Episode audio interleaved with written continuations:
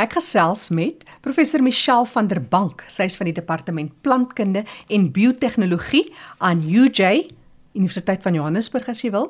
Michelle, as ons kyk na insekte in ons omgewing, gee ons eers net so 'n bietjie agtergrond oor hierdie belangrike deel van ons ekosisteme.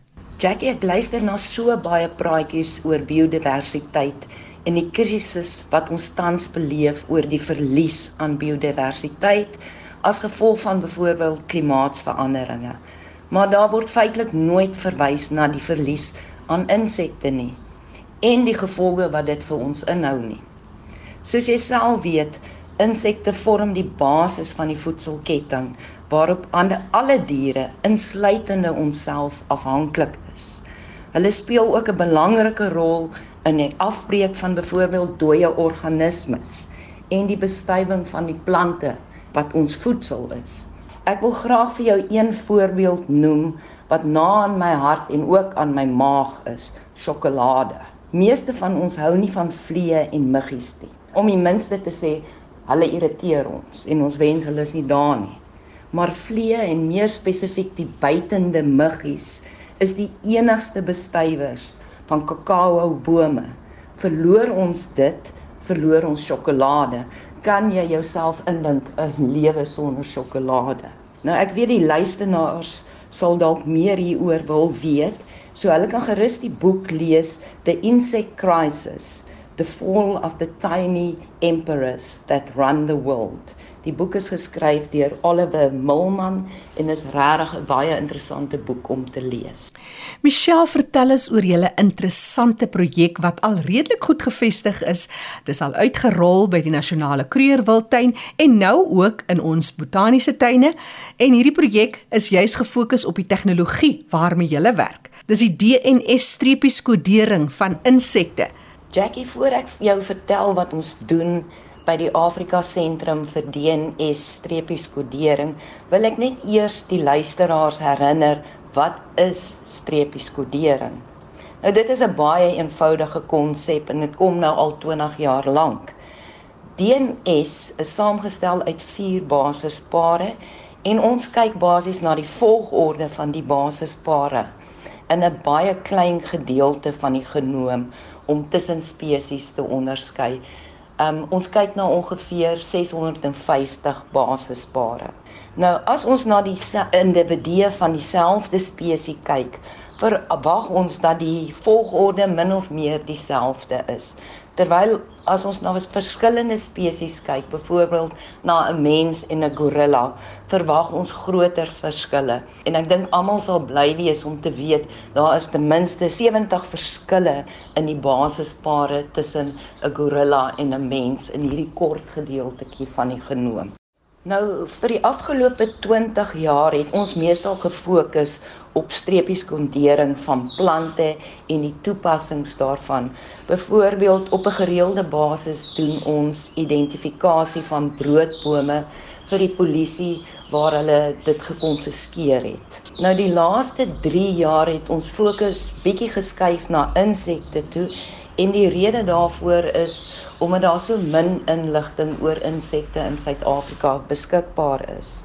Ons het so pas 'n projek voltooi in die Kruger Nasionale Park waar ons vir 1 jaar insekte versamel het en ook dan gekodeer het. Ons het 26 meleistraps opgestel reg oor die park en net gou om vir julle te vertel wat is 'n meleistrap?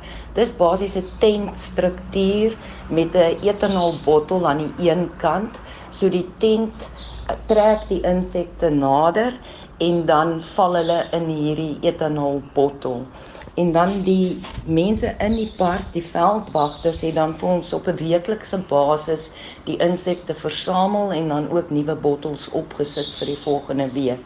En aan die einde van die projek het ons 20000 spesies uh, gekry uh, deur middel van spesiekodering waarvan 80% nuut was op die database vir die eerste keer het ons nou basiese inligting oor die insekdiversiteit van die park wat dan kan gebruik word vir die monitering van insekte, miskien uh, verminder die insek uh, diversiteit as gevolg van uh, klimaatsveranderinge, maar as jy nie hierdie basiese inligting het nie, kan hierdie monitering nie plaasvind nie.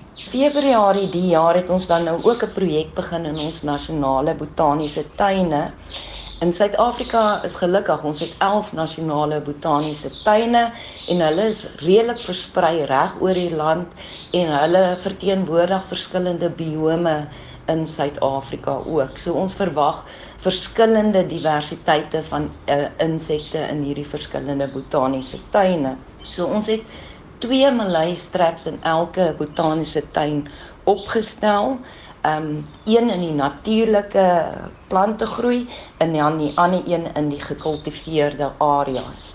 En weer eens die personeel van die tuine help ons met die weeklikse versameling. Al die monsters sal dan ook weer gekodeer word. Ons verwag die eerste resultate van hierdie projek terug binne die volgende paar weke en ek persoonlik kan nie wag om te sien wat by Handam Nasionale Botaniese Tuin gaan gebeur nie. Ek verwag baie nuwe spesies en baie interessante ehm um, dinge wat hier uit gaan kom. Ek sal op 'n ander geleentheid graag wil hoor van die interessanthede en hoe Jan en San publiek dalk bemagtig en of sommer net meer kennis kan kry oor insekte na aanleiding van die werk wat julle doen. Ons as mens hou van versamel en insekversameling is iets wat al lank aankom, van klein seentjies tot gevestigde professionele mense. Ek gesels met 'n MSc student van UJ, Theodor van Wyk. Theodor sê hy het al van klein tyd af belang gestel in insekte. Vertel ons van jou eerste herinnering van insekte. Maar eers, wat is jou studierigting? Op die ekologie van die orde Odonata, oftewel dragonflies en damselflies. Um, my ouers het my vertel toe ek nog 'n babatjie was, het ek teen die plafon van die huis gekyk en toe sien ek 'n mooitjie raak en toe van daar af kon ek nooit my oë van die goed afhou nie. Ons het altyd toe ek jonk was het ons na um, plekke soos Golden Gate, St Lucia en allerlei plekke met unieke habitatte gegaan. Toe kon ek allerlei wonderlike insekte versamel en ek het oor die jare my insekversameling opgebou, maar ek het dit ook verloor wanneer ek besluit om dit te skenk aan instansies en so so ek moes dit nou weer opbou van voor af die paar wat ek nou het. Die passie wat ek het om insekte vir, te versamel toe ek jonk was, het nou ontaard in 'n MSc wat ook insekte behels. So my passie gaan dalk eendag my werk word wat baie baie lekker is. Daar's ook 'n hele paar interessante insekte wat ek in my versameling het, maar interessant genoeg het ek nie soveel skaars is nie. Uit die 500 of so wat ek het, het ek net sê maar 5 of 6 werklike skaars insekte, soos 'n Ignostomma kewer en 'n Nemestrinidai vliegie. Ek versamel hulle nou al baie lank, so toe ek jonk was het ek gesukkel om hulle te monteer met bietjie oefening en met die graad wat ek gedoen het waar ek entomologie vakke gehad het, weet ek nou presies hoe om hulle te monteer so my versameling lyk like, al hoe mooier en al hoe afgerond ook.